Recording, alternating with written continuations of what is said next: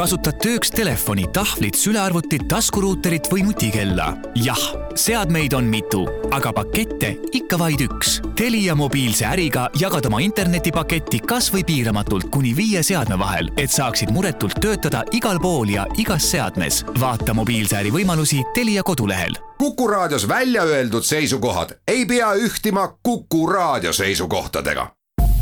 Te kuulate Kuku raadiot majandusruum. tere, head Kuku raadio kuulajad, eetris on Majandusruum ja stuudios ajakirjanikud Janno Riispap ja Liina Laks. räägime täna tulude deklareerimisest ja sellest, mida näitab see iga-aastane tormijooks Maksu- ja Tolliameti kodulehele teeme juttu ka Tallinna börsifirmade käekäigust, kellest mitmed siin ehitusfirmad ja pangad näiteks on juba oma tulemused avaldanud saate teises pooles on külas rahandusminister Keit Pentus-Rosimannus, kes selgitab, kuidas kõige nutikamalt äh, Euroopa rahadega majandust turgutada ja rohepööret ellu viia. et äh, esmaspäeval meil siis äh, ametlikult algas tulude deklareerimine ja mitte väga üllatavalt oli juba siin pühapäeval maksuameti e-kanalid täiesti umbes, et kõik huvilised nii-öelda siis tahtsid esimeste seas äh, kas siis teada saada, kui palju neil kas siis see tagastus või juurdemaksmine on või siis äh, tahtsid nii-öelda sellega ühele poole saada. et äh, täna hommikuks äh, on juba kolmsada kakskümmend neli tuhat inimest enda deklaratsioonid esitanud, mis on siis viimase nelja aasta rekord, et mida me sellest järeldada võime, et inimesed nii suure hooga pihta hakkavad no tõenäoliselt tahavad seal kaelast ära saada, aga noh, vaata siin koroona ajal oledki, et paljud istuvad kodus ja vaatavad, et noh, tead hommikul kohvi kõrvale hea see tuludeklaratsioon vaikselt ära teha. aga teine asi on see, et ega seal, no kui sa oled seal deklareerija, et sul see meeldetuletus jookseb tegelikult ka sisse, et näiteks need, kes on lapsevanemad või kes on mingid koolituse asjad, siis neile ka näiteks lasteaiad saatsid, et kuulge vaadake üle, nad, nad saatsid mingi veebruari alguses juba, et vaadake üle, kas meie need numbrid on õiged, et siis noh, lapsevanemad ka vandusid sealt tulist kurja, et kas me saame nüüd kätte ja kus on ja ja tegelikult noh, kohati ei olnud ka ette täidetud, et, et see, see tegelikult see jooks hakkas juba pikemalt pihta ja kuna noh, see jooks on seal pikemalt pihjas olnud, siis lõpuks sa saadki tõenäoliselt kaelast selle ära teha et äh, kiirusta nii-öelda ei maksa, et peabki kontrollima, kas seal on kõik äh, soodustused on kasutatud ja seal eeltäidetus ei pruugigi teinekord olla, kas annetusi või siis äh, koolituskulusid või, või saab ka seal. või pangaintressid on unustatud panna, eks ole, et ja tegelikult see noh, see deklareerimine hakkas ju pikemalt pihta, et näiteks, kes metsamaterjali noh müügist, nüüd on ju see, sel aastal tehti ju see muudatus, et sa saad sealt viis tuhat eurot siis noh maksuvabalt kätte, kui sa oled metsamaterjali müünud. aga selleks sa pidid tegema jaanuari alguses paari päeva jooksul ära siis äh, juba maksuametis need äh, paar liigutust. et äh, ja siis muidugi on ka see, et noh, sa võisid ju ära deklareerida, aga pärast, kui sul mingis summas kuskil midagi muutus, siis sa pidid ikka minema pärast uuesti käsitsi parandama seal, et et ega seda noh, vigurdamist, noh, kes, kellel on nagu rohkemaid asju, et need said juba ammu enne seda viieteistkümnendat veebruarit juba teha mm. -hmm et äh, tänavu siis äh, eeldud, eelduste kohaselt tagastatakse enammakstud tulumaksu umbes äh, sada viiskümmend kuus miljonit eurot. aga juurde peab maksma ainult viisteist miljonit, et see vahe on umbes kümnekordne. et aasta varem olid need numbrid seal ligi sada üheksakümmend miljonit ja siis viiskümmend kaheksa miljonit, et see aasta varem oli umbes kolmekordne see vahe, et et mida see võib-olla näitab, et kas meil on inimesed nii-öelda konservatiivsemalt hakanud siis äh, enda maksuvaba tulu kasutama või, või on siin mingi kuidagi kriisiga seonduvalt? no nagu sa siin hommikul ka uurisid, et ega seal nagu maksuamet ütles ka, et vaata, meil oli nii suur see töötutoetus äh, kevadel, et kus riik maksis äh, ikka noh, kas oli mingi suurusjärk kakssada miljonit ja kaks, kaks poolsada miljonit inimest ja. ja kokku vist äh, seal iga viies hõivatu sada kolmkümmend kuus tuhat inimest ja. vist. ja no siis äh, sealt, kuna kõik istusid nende rahade peal, et ja see läks ju kohe vaata otse protsenti maksuametisse tagasi, et ega siis, mis sa seal äh, siis teed, et noh, ei ole mhm. lihtsalt nii palju raha, et nagu enam tagasi maksta, et kõik on juba nii-öelda tehtud. jah, et, et töötukassa meetme puhul siis riik otsustas nende toetuse saajate eest ära, et seal peeti siis tulumaks kogu sellest nii-öelda hüvitisest kinni, et muul juhul siis inimene saab valida, et kui palju ta, kui palju ta kasutab nii-öelda. ja, ja siis tegelikult, mida see näitas ka see noh, need töötutoetused ja kõik asjad et ja kevadine koroonakriis, mis, mida tuleb ka nagu sel aastal meelde tuletada, et kui juhtub selline asi nagu koondamine või midagi muud. siis ei tohi teha sellist asja, et minna kuskile poolte kokkuleppele ja omal vaba tahtel ära minna, sest et muidu töötukassa ütleb, et ai, me ei anna sulle raha et seda väga paljud ei tea, aga iga aasta tasub meelde tuletada. et, et, et töötukassa nii-öelda võimaliku toetuse vaates on kasulikum ikkagi saada koondatud või vallandatud, et nii ta paraku meil on. koondatud on kõige parem, siis sa saad ikka kõvasti aga muidugi seda tuleb ka ütelda, et äh, hästi noh, sul on ju kaks varianti selle äh, soodustuse ja selle tagasimaksega, et kas sa võtad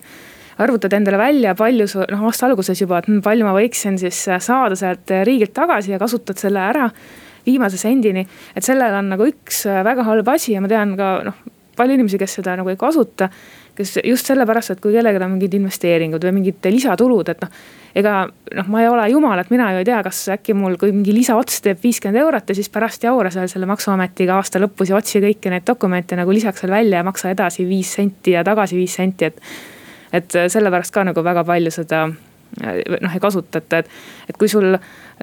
kui sul ikkagi no sissetulek on väga sellises kindlates piirides, väga prognoositav, sa tead, et mitte mingil juhul sind mingisugune eri, erakorraline boonus kuskilt ei ähvarda, et noh, siis on hea seda kohe kasutusele võtta, sest milleks seda raha seal riigi käes hoida mm. -hmm. no tegelikult äh, see tagastuse hulk näitab ka seda, et inimesed ikkagi kasutavad seda maksuvaba tulu üsna konservatiivselt või tundub võib-olla see tulude prognoosimine neile kuidagi keeruline, et ah, ma pigem lasen seal kogu palgast selle äh, maksu kinni pidada, et pärast siis, eks ole, seal veebruaris äh, või märtsis millalgi seal nii-öelda teeme tasaarvelduse. et tundub. saada et, on parem kui juurde maksta, vaata, et et see on ilmselt jah psühholoogiline asi, et jumala eest, et, et ei peaks juurde maksma. aga samas noh, teistpidi sellest on ka palju räägitud, et äh, võib-olla siin nutikamad, kes on sellised enesekindlamad, võib-olla investorid. et äh, see on ka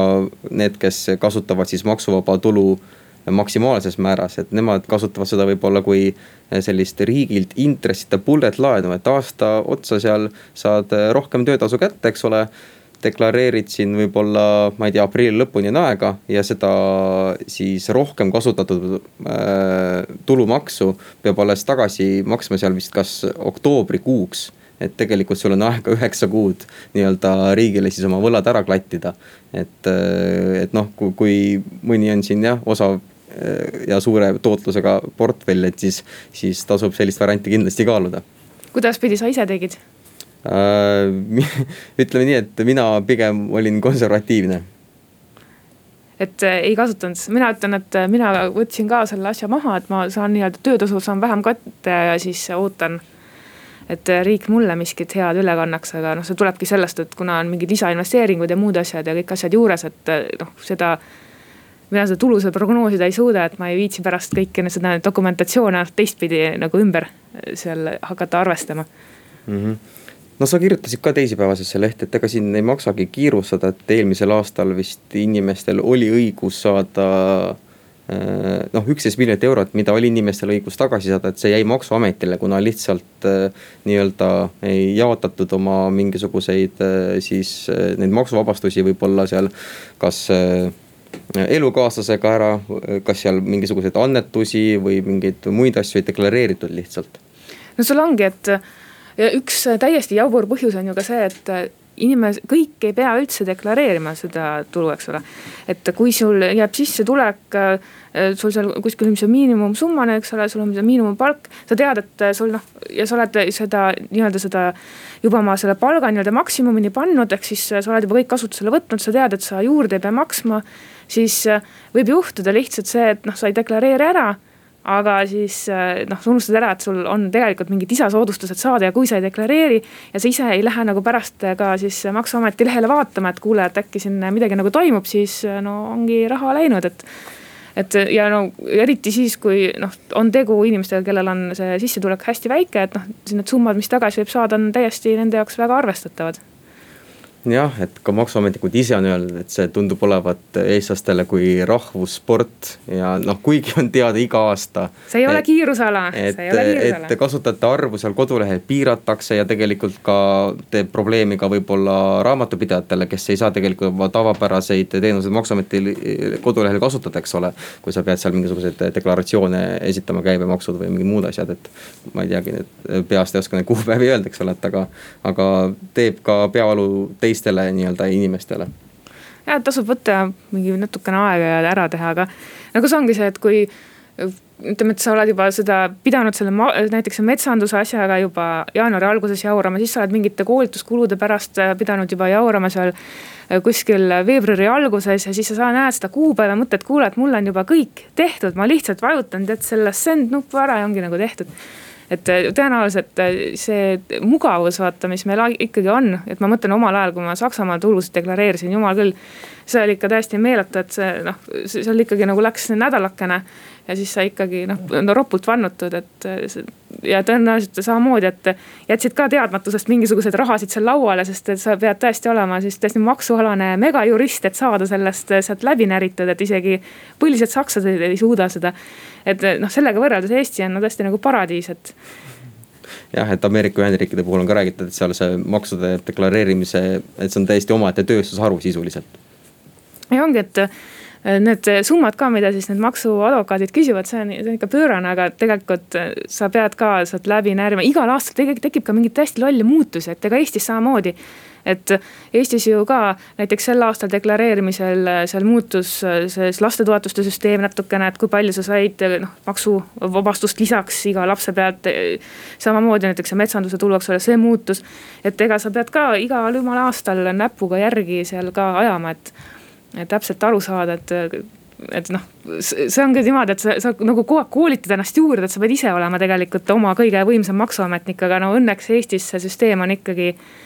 kordades kergem kui kuskil mujal riikides, kus on ikkagi uskumatult keeruliseks aetud jah, et meid võib-olla isegi on ära hellitatud sellise väga mugava süsteemiga ja teistpidi enam ei kujutagi ette. aga teeme siit väikese pausi ja jätkame pärast seda majandusruum. jätkame saatega stuudios ajakirjanikud Janno Riispap ja Liina Laks. Tallinna börsil siis on mitmed ettevõtted juba enda möödunud aasta tulemused teatanud ja kui vaadata siin näiteks pankade või ehitusfirmade tulemusi, siis tundub, et suurt koroonakriisi veel nende jaoks pole kas kätte jõudnud või jõuavad need viivitusega no nii on tegelikult, ehitusfirmad ise ütlesid ju eelmine aasta ka, kui see pauk käis, et et nende see traagika ongi nii, et äh, need tellimused on seal aastakene kaks ees ja alles mingi teisel-kolmandal aastal võib, võib seal juba ühte-teist näha, nii et äh, kui Merko Nordecon on tulemused teatanud, neil oli täiesti okei okay,, nemad on siis kinnisvaraarendajad, ehitajad. aga samas, kui sa vaatad selliseid firmasid nagu Baltic Horizon Fund või Efteni kolmas fond siis neil oli nagu noh, selles mõttes ikkagi nagu kerge nuttvaruks, et nemad tegelevad siis peamiselt siis ärikinnisvara üürimisega. Sest et noh, jutud käisid, et ei, see ärikinnisvara ei kao kuskile ja kõik on nagu noh, vinks-vonks ja küll kõik kontorisse tagasi tulevad, aga hetkel nagu seda ei ole näha. Ja Merko ja Nordecon ise on ka öelnud, et täiesti selgelt on see trend, et kõik, kes võiksid praegu veel ehitada mingisuguseid ärihooneid või kaubanduskeskusi või hotelle, et noh, nad on kõik oma need mõtted pausile pannud et ainus, mis meid siin nagu toidab äh, kinnisvaras, ongi siis äh, noh, kõigesugused mm. eraprojektid ja eelkõige korterid. jah, sihuke elamuarendused, et äh, ärikinnisvara puhul ilmselt vaatavad ka mitmed ettevõtted oma plaane üle, et kas meil üldse maksab nii palju kallist üüripinda kuskil, kuskil üldse hoida aga samas jah, hakkangi mõtlema, et Nordeconil oli, oli, eks ole, siin rekordiline käive möödunud aasta koguni. ta vist, eks ole, rohkem keskendub ka võib-olla sellistele taristu ja infrastruktuuri projektidele ka, et seal palju riigihankeid on vist nende käibest. ja Merkol vaatasin, et kasum kasvas siin nelikümmend protsenti, et kas, et noh, sellises kriisis ju võiks isegi elada et ei, kui neid numbreid vaadata, siis ega kummalgi firmal ei ole nagu siin kurtmiseks põhjust, et kõik on nagu hea, et isegi kui vaadata nüüd seda tööde mahtu et mis on nagu teostamata tööde maht, mida tavaliselt ehitusfirmade puhul siis vaadatakse, et see, mis on tehtud, tead, see on nagu minevik, sellest vahet ei ole, aga see teostamata tööde maht annab siis aimu, et palju neil seal pipeline'is on, et palju sealt noh, palju neid on tellitud. ja seal Nordeconil see eelmise aastaga võrreldes natukene langes, aga mitte midagi dramaatilist ja Merkol isegi kasvas see maht, nii et äh, tellijaid nagu tundub, et on, et täitsa mõnus jah, et Nordeconil vist oli siin kuskil viis protsenti suurusjärk, aga Merkol oli vist päris äh, märkimisväärne kasv, oli seal kakssada kaheksakümmend, kakssada üheksakümmend miljonit eurot, mida neil on veel siis nii-öelda äh, kas ehitusjärgus või siis noh, lepingutega kaetud, eks ole. et kui me siin jah, mõtleme, et ka korteriturg on siin, räägitakse palju sellest, et hinnad muudkui tõusevad, siis seal vist on ka tegelikult lihtsalt protseduuriliste äh, nii-öelda küsimused, et kuida-, et millal vormistatakse seal asjaõiguslepingud, millal notaris käiakse, et siis võib-olla siin juba ma ei tea, pool aastat tagasi kokku lepitud tehing võib-olla viiaksegi lõpule lihtsalt äh, mingisuguse viitega ja siis ta kajastub lihtsalt nii-öelda selles, ma ei teagi, majanduskriisi või koroona nii-öelda tingimustes. seda ka, aga teine asi on ikka tõesti ka see, et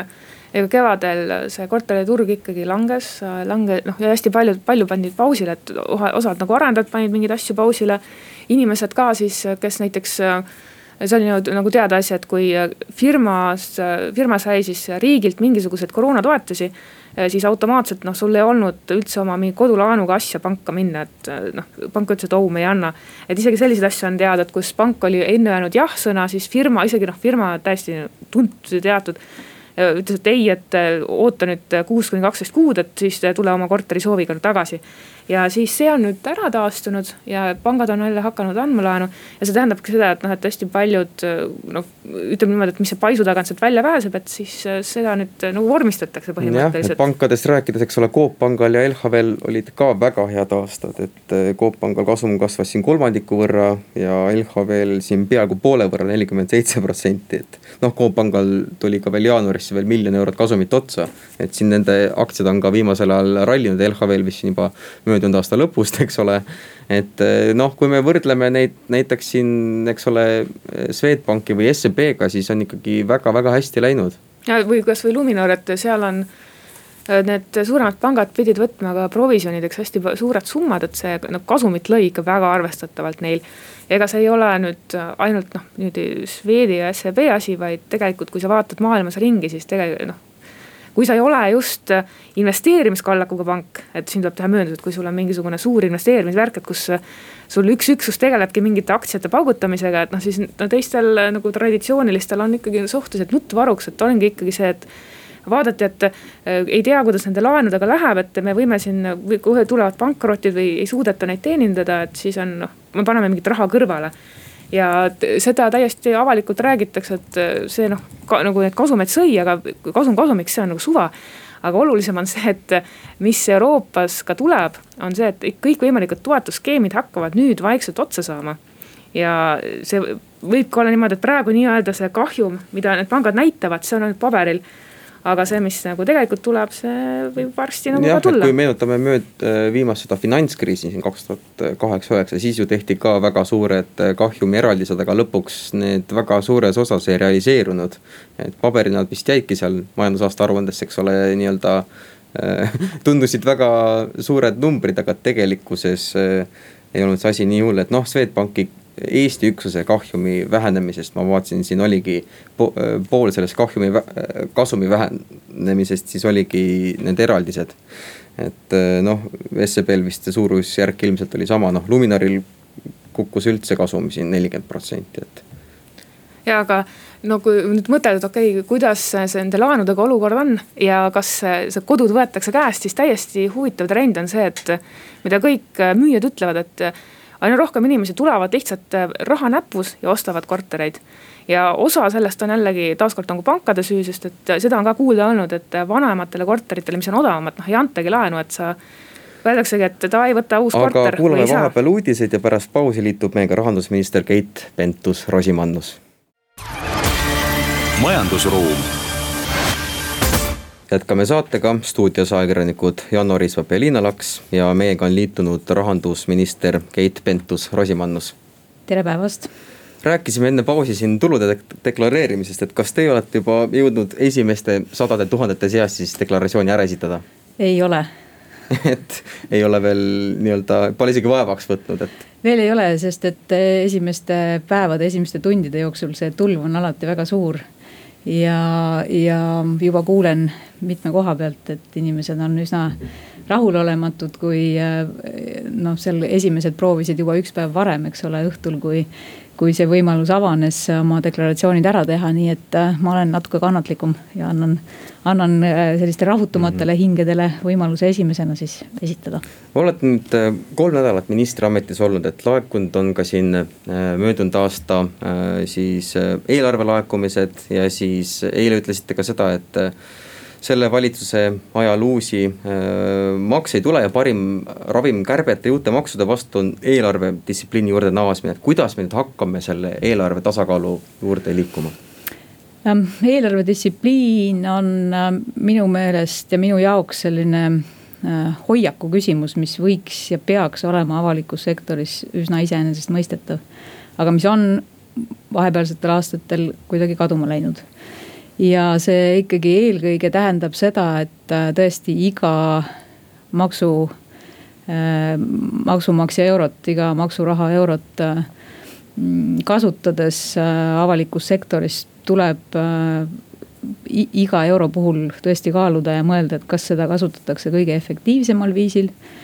mm, ja, ja kuidas seda kasutatakse. tegelikult tuleb üle vaadata meil kogu see pool, et, et kui palju on endiselt seda tüüpi tegevusi, mis on mis on sageli võib-olla inertsist ja mida on alati tehtud ja mida on inertsist lihtne jätkata. millised Aga... need tegevused on, mis on inertsist nii-öelda eh, jätkatakse? ma arvan, et eks sellises igapäevases toimetamises erinevates äh, ministeeriumites üksjagu on sellist äh, nagu harjumusega sisse kujunenud äh, tegevus, tegevusmalli. ja noh, küsida tuleb ikkagi seda ka ja analüüsida seda ka, et mis on need kohad, kus praegu oleks võimalik äh, juba kasutada noh, erinevate materjalide läbitöötamiseks, andmete läbitöötamiseks, kaasaegsemaid digitaalseid vahendeid. nii et selline range Äh, kokkuhoidlik, äh, nõudlik suhtumine ja mentaliteet maksumaksja rahasse, see on see kogu eelarvedistsipliini alus et äh, panete roboti siis nii-öelda neid aruandeid käima ja lasete inimesed lahti või kuidas?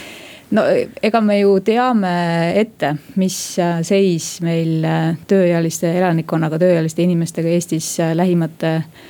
aastate, aastakümnete jooksul olema saab. ja üks äh, optimistlikumatest prognoosidest ütleb, et kahe tuhande, kahe, kahe, kahe tuhande neljakümnendaks aastaks on meil äh, tööealisi inimesi suurusjärguna umbes sada kakskümmend viis tuhat inimest vähem samaaegselt arusaadavalt inimeste just nimelt nõudlikkus ja ootused erinevate teenuste vastu tegelikult sotsiaalsektori kulutused vananemisega seotult tervishoiusektori vajadused, nõudlus, see kõik ju kasvab. E, mis tähendab seda, et me peamegi leidma võimalusi avalikus sektoris ka, mitte ainult erasektoris järjest efektiivsemalt toimetada, vaid avalikus sektoris ka. ja noh, praegu tuleb öelda, et erasektor ka siin kriisi ajal on olnud äh, avalikule sektorile pigem eeskujuks. Ma tahaks, et see kuidagi võrdsustuks natuke rohkem, et ka ka avalik sektor äh, just nimelt efektiivse toimetamise mõttes ähm, ei oleks kuidagi järeljooksjate hulgas. aga, aga jah, et ähm, noh, kui, kui ütleme, kõige kriitilisem aeg, praegu kõige kriitilisemat tähelepanu nõudev ähm, ütleme valdkond praegu on kõik äh, tervisekriisiga seonduv. Ja, ja siin on noh, nõuab on, on vaja teha väga kiireid otsuseid, muuhulgas ka selle kohta, kuidas äh,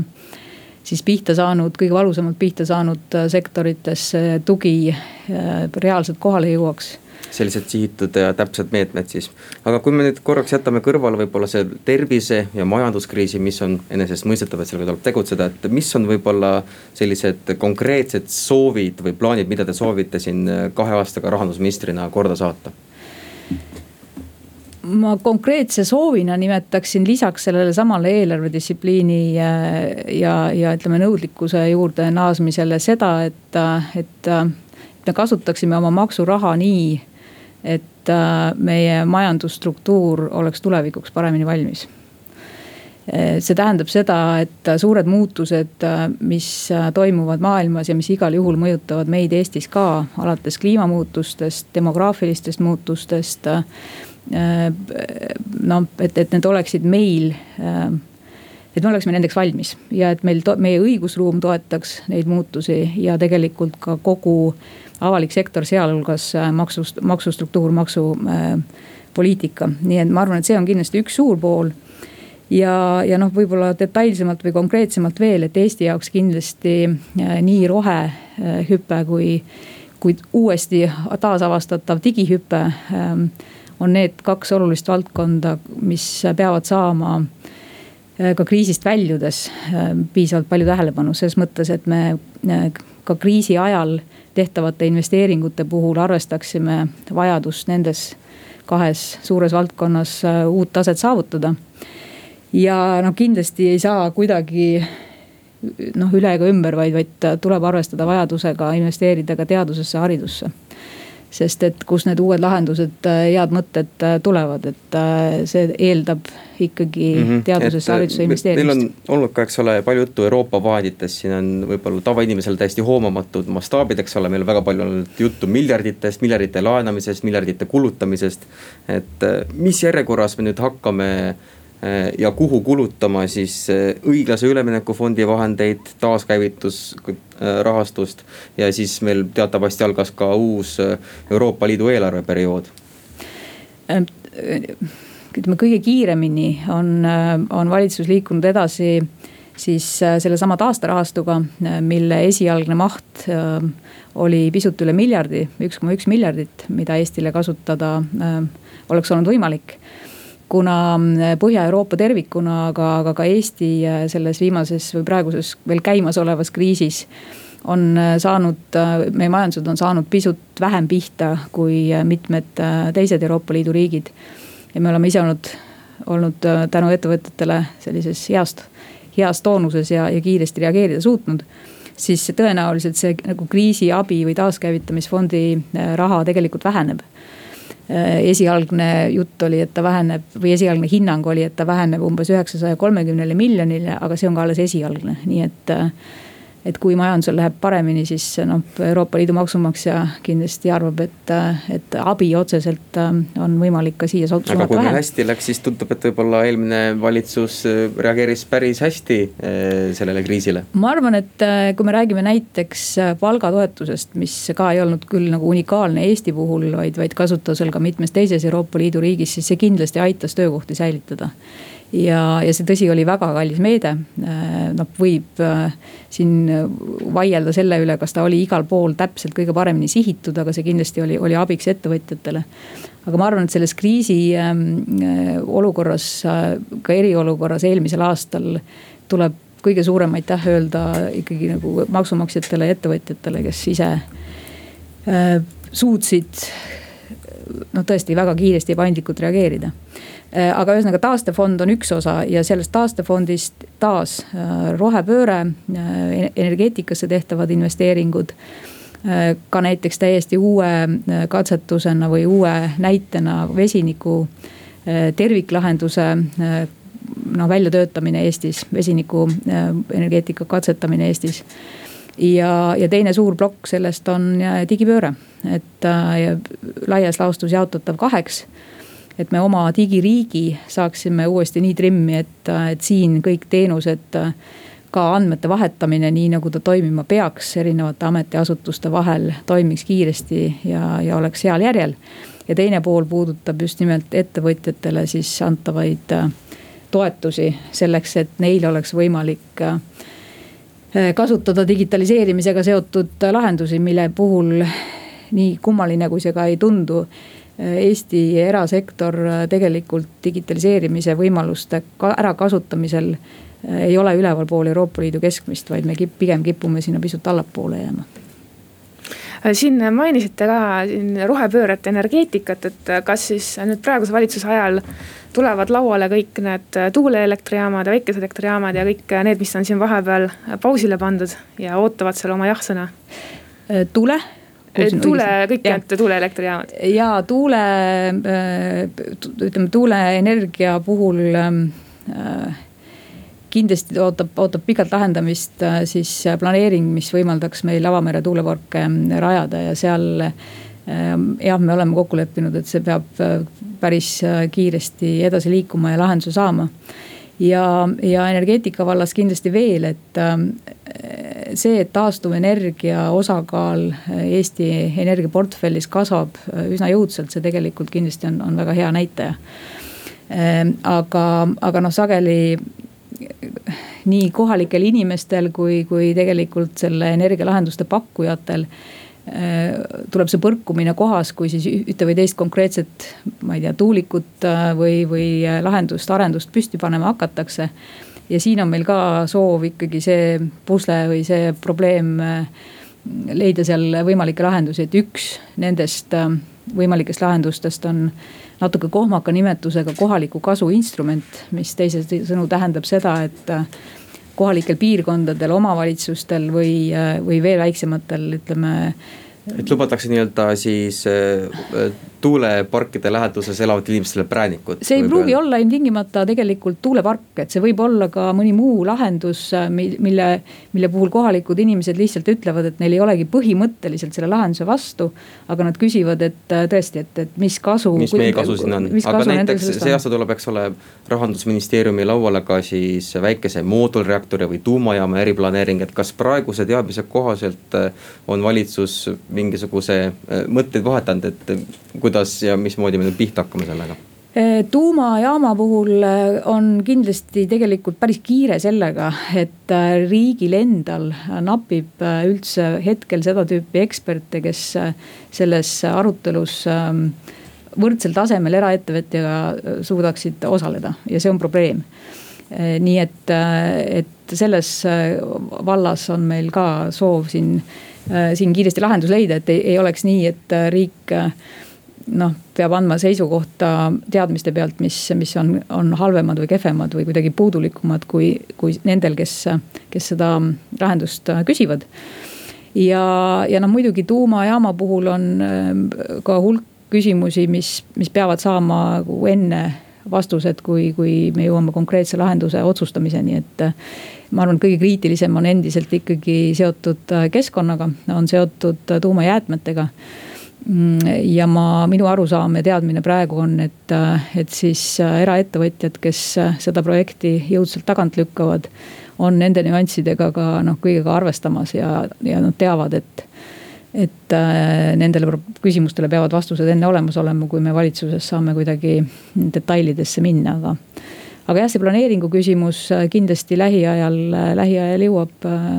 jõuab valitsusse. jah, et koalitsioonileppes oli ka ju kirjas, et äh, Eesti siis kliimaeesmärkide täitmiseks võiks kaaluda tuumaenergeetika äh, võimaluste uurimist e jah, see oli küll just nimelt tõesti eriti selles võtmes, et riik ise peab äh, oma seda võimekust tuumaenergeetika vallas mitte ainult kaasa rääkima, aga lõpuks seal otsuseid äh, langetama, et seda võimekust tuleb oluliselt äh, parandada ja, ja seda tuleb teha kiiresti. jah, aga kas näiteks Eesti Energia aktsionäride üldkoosolek siis rahandusministri isikus võib-olla annab ka mingisuguseid äh, selliseid juhiseid, kuidas peaks Eesti energeetika või varustuskindlus nii-öelda siin lähitulevikus olema tagatud? Eesti Energial on see kohustus, et reservvõimsust garanteerida ja tagada ja noh, Eesti Energia puhul ähm, on kindlasti äh, ka Eesti Energia juhtide poolt väga nagu minu mõttes, minu arvates väga hästi tabatud äh, oluline teema see, et kui toimuvad taas need äh, põhimõttelised suured muutused, mis on osalt sel-, põhjustatud kliimamuutustest, aga ikkagi laiemalt kogu energiasektori hüppest, ükskõik, kas me räägime energialahendustest, räägime me salvestamisvõimekustest, siis noh, Eesti Energia peab seal kindlasti, peab selleks kindlasti valmis olema. ja kui me vaatame seda, kuidas Eesti Energia siis energia tootmise portfelli ütleme mitmekesistamine on, on praeguseks juba toimunud, siis ma ma ütlen küll, et seda, ettevõte on seda seal kiiresti ja hästi ja õigesti reageerinud, et taastuvenergia osakaal on, on praegu juba üsna märkimisväärne ja, ja tõuseb, tõuseb järjest. jah, et siin Euroopa kliimapoliitika tõttu siis pole lihtsalt äh, põlevkivielekter enam väga konkurentsivõimeline ja seetõttu on lihtsalt siin mõne aastaga seitsekümmend protsenti see vähenenud, mistõttu ongi ka taastuvenergia äh, osakaal, eks ole, tõusnud. no ma, ma nüüd äh, tahaks minna selle üle vaidlema, et mis tähendab Euroopa Liidu kliimapoliitika tõttu, et see tegelikult ikkagi on, on. teeme siit ühe väikese pausi ja siis jätkame kohe. majandusruum jätkame saatega, stuudios ajakirjanikud Janno Riisvap ja Liina Laks ja rahandusminister Keit Pentus-Rosimannust äh, natukene peatasin enne seoses Euroopa Liidu kliimapoliitikaga mm, -hmm. milleni te tahtsite jõuda? no lihtsalt see äh, seda, seda tüüpi käsitlus, et Euroopa Liidu kliimapoliitika tõttu äh, või kuidagi nagu Euroopa Liidu kiusu tõttu on, on Eesti põlevkivienergeetika Äh, ja põlevkivielekter konkurentsi, vähem konkurentsivõimeline, et äh, see selles mõttes on, on ebatäpne, et esiteks noh, me ise muidugi oleme ka Euroopa Liit, et ei ole kuskilt kaugelt keegi midagi meile ette kirjutamas, aga sisuline vajadus ju ikkagi tuleb sellest, et äh, jällegi globaalsete demograafiliste muutuste tõttu muuhulgas suureneb lähiaastatel väga tõsiselt äh, konkurents äh, üldse ressursside järgi, muuhulgas ka energeetika, energiaressursside järgi ja, ja taastuvenergiale üleminek äh, on, on tegelikult nii riikide kui, kui ütleme siis suure, suurte jõudude konkurentsivõime küsimus. Euroopa Liit on tegelikult päris pikalt otsinud seda kohta, kus me oleksime maailma äh, Äh, mõttes äh, konkurentsis teistest ees ja konkurentsis paremad ähm, kogu rohetehnoloogia, kogu nagu kaasaegne tehnoloogia kasutamine ka energeetika valdkonnas kindlasti on üks nendest kohtadest, mis selle konkurentsieelise just nimelt. aga võib-olla teised äh, nii-öelda riigid väljaspool Euroopa Liitu ei ole nii äh, suurte kliimaambitsioonidega ja me enda konkurentsivõimet vähendame sellega. ma toon siia ühe paralleeli aastatetagusest ajast, kui, äh, kui me läksime üle äh, digiriigile. ja, ja kui oleks võinud ju ka küsida, et aga maailmas on väga palju riike, kes endiselt kasutavad pliiatsit ja paberit ja miks me peaksime tegema selle hüppe, et äh, miks me ei võiks edasi jätkata nii, nagu kogu aeg olnud on. see on konkurentsi küsimus, see on tegelikult küsimus sellest, kuidas me kasutame ära neid eeliseid, mis meil olemas äh, võiksid olla just nimelt nii, et me oleksime suurteks tulevikumuutusteks paremini valmis ja et meie majandusstruktuur tervikuna neid muutusi äh, toetaks ma küsin kohe siia vahele tegelikult seda, et noh, meil on kriis siin hetkel käimas on äh, ka välja öeldud, et näiteks turismiettevõtetele on lubatud siin ligi kaheksateist miljonit äh, nii-öelda toetusraha, et kas see toetusraha on juba hakanud liikuma või mis sellega on? see on üks jah, kõige olulisem või ütleme, kõige suuremaid muutusi, mida, mida ametisse asunud valitsus tegi siis Euroopa kriisiabi äh, fondi raha jaotuses ja, ja see lõplik ettepanek ootab Euroopa Komisjoni heakskiitu. me valitsuse poole pealt kiitsime selle heaks üle-eelmisel neljapäeval ja, ja sealt ta edasi liigub, et noh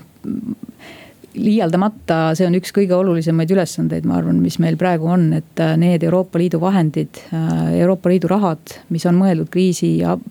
kriisist välja tulemise toetamiseks. et nad saaks võimalikult kiiresti kasutusele võtta ja, ja minul endal oli telefoni äh, või noh, ütleme selline videokonverents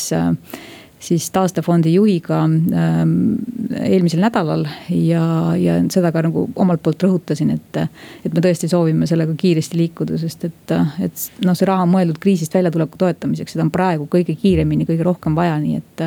ootame Euroopa Komisjoniga siin väga sellised ladusat koostööd on teil praegu ka mingeid uusi selliseid toetusmeetmeid plaanis, sest noh, siin need numbrid siin kasvavad, osad ütlevad, et äkki tuleb veel kõvemaid piiranguid viiruse olukord muidugi on hästi tõsine ja, ja, ja noh, kasutades võib-olla ka seda võimalust siin praegu. ma arvan, et kõik ükskõik mis valdkonnas tegutsevad nii ettevõtjad kui, kui organisatsioonid, et noh, tegelikult on on palve siin kaasa mõelda, kuidas ja mida saab teha ilma täiendavate piirangute kehtestamiseta selleks, et.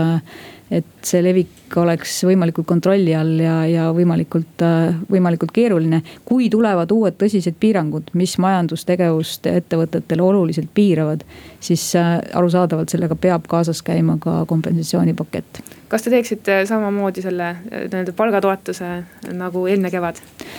No ma kõigepealt ütlen, et äh, tuleb väga põhjalikult kaaluda erinevaid äh, võimalusi, äh, milliseid kahjuks piiranguid ja kus teha vaja on. paljud huvitavad teemad jäid paraku käsitlemata. stuudios olid ajakirjanikud Janno Riispapp ja Liina Laks ja külas oli rahandusminister Keit Pentus-Rosimannus, tänud kuulamast. majandusruum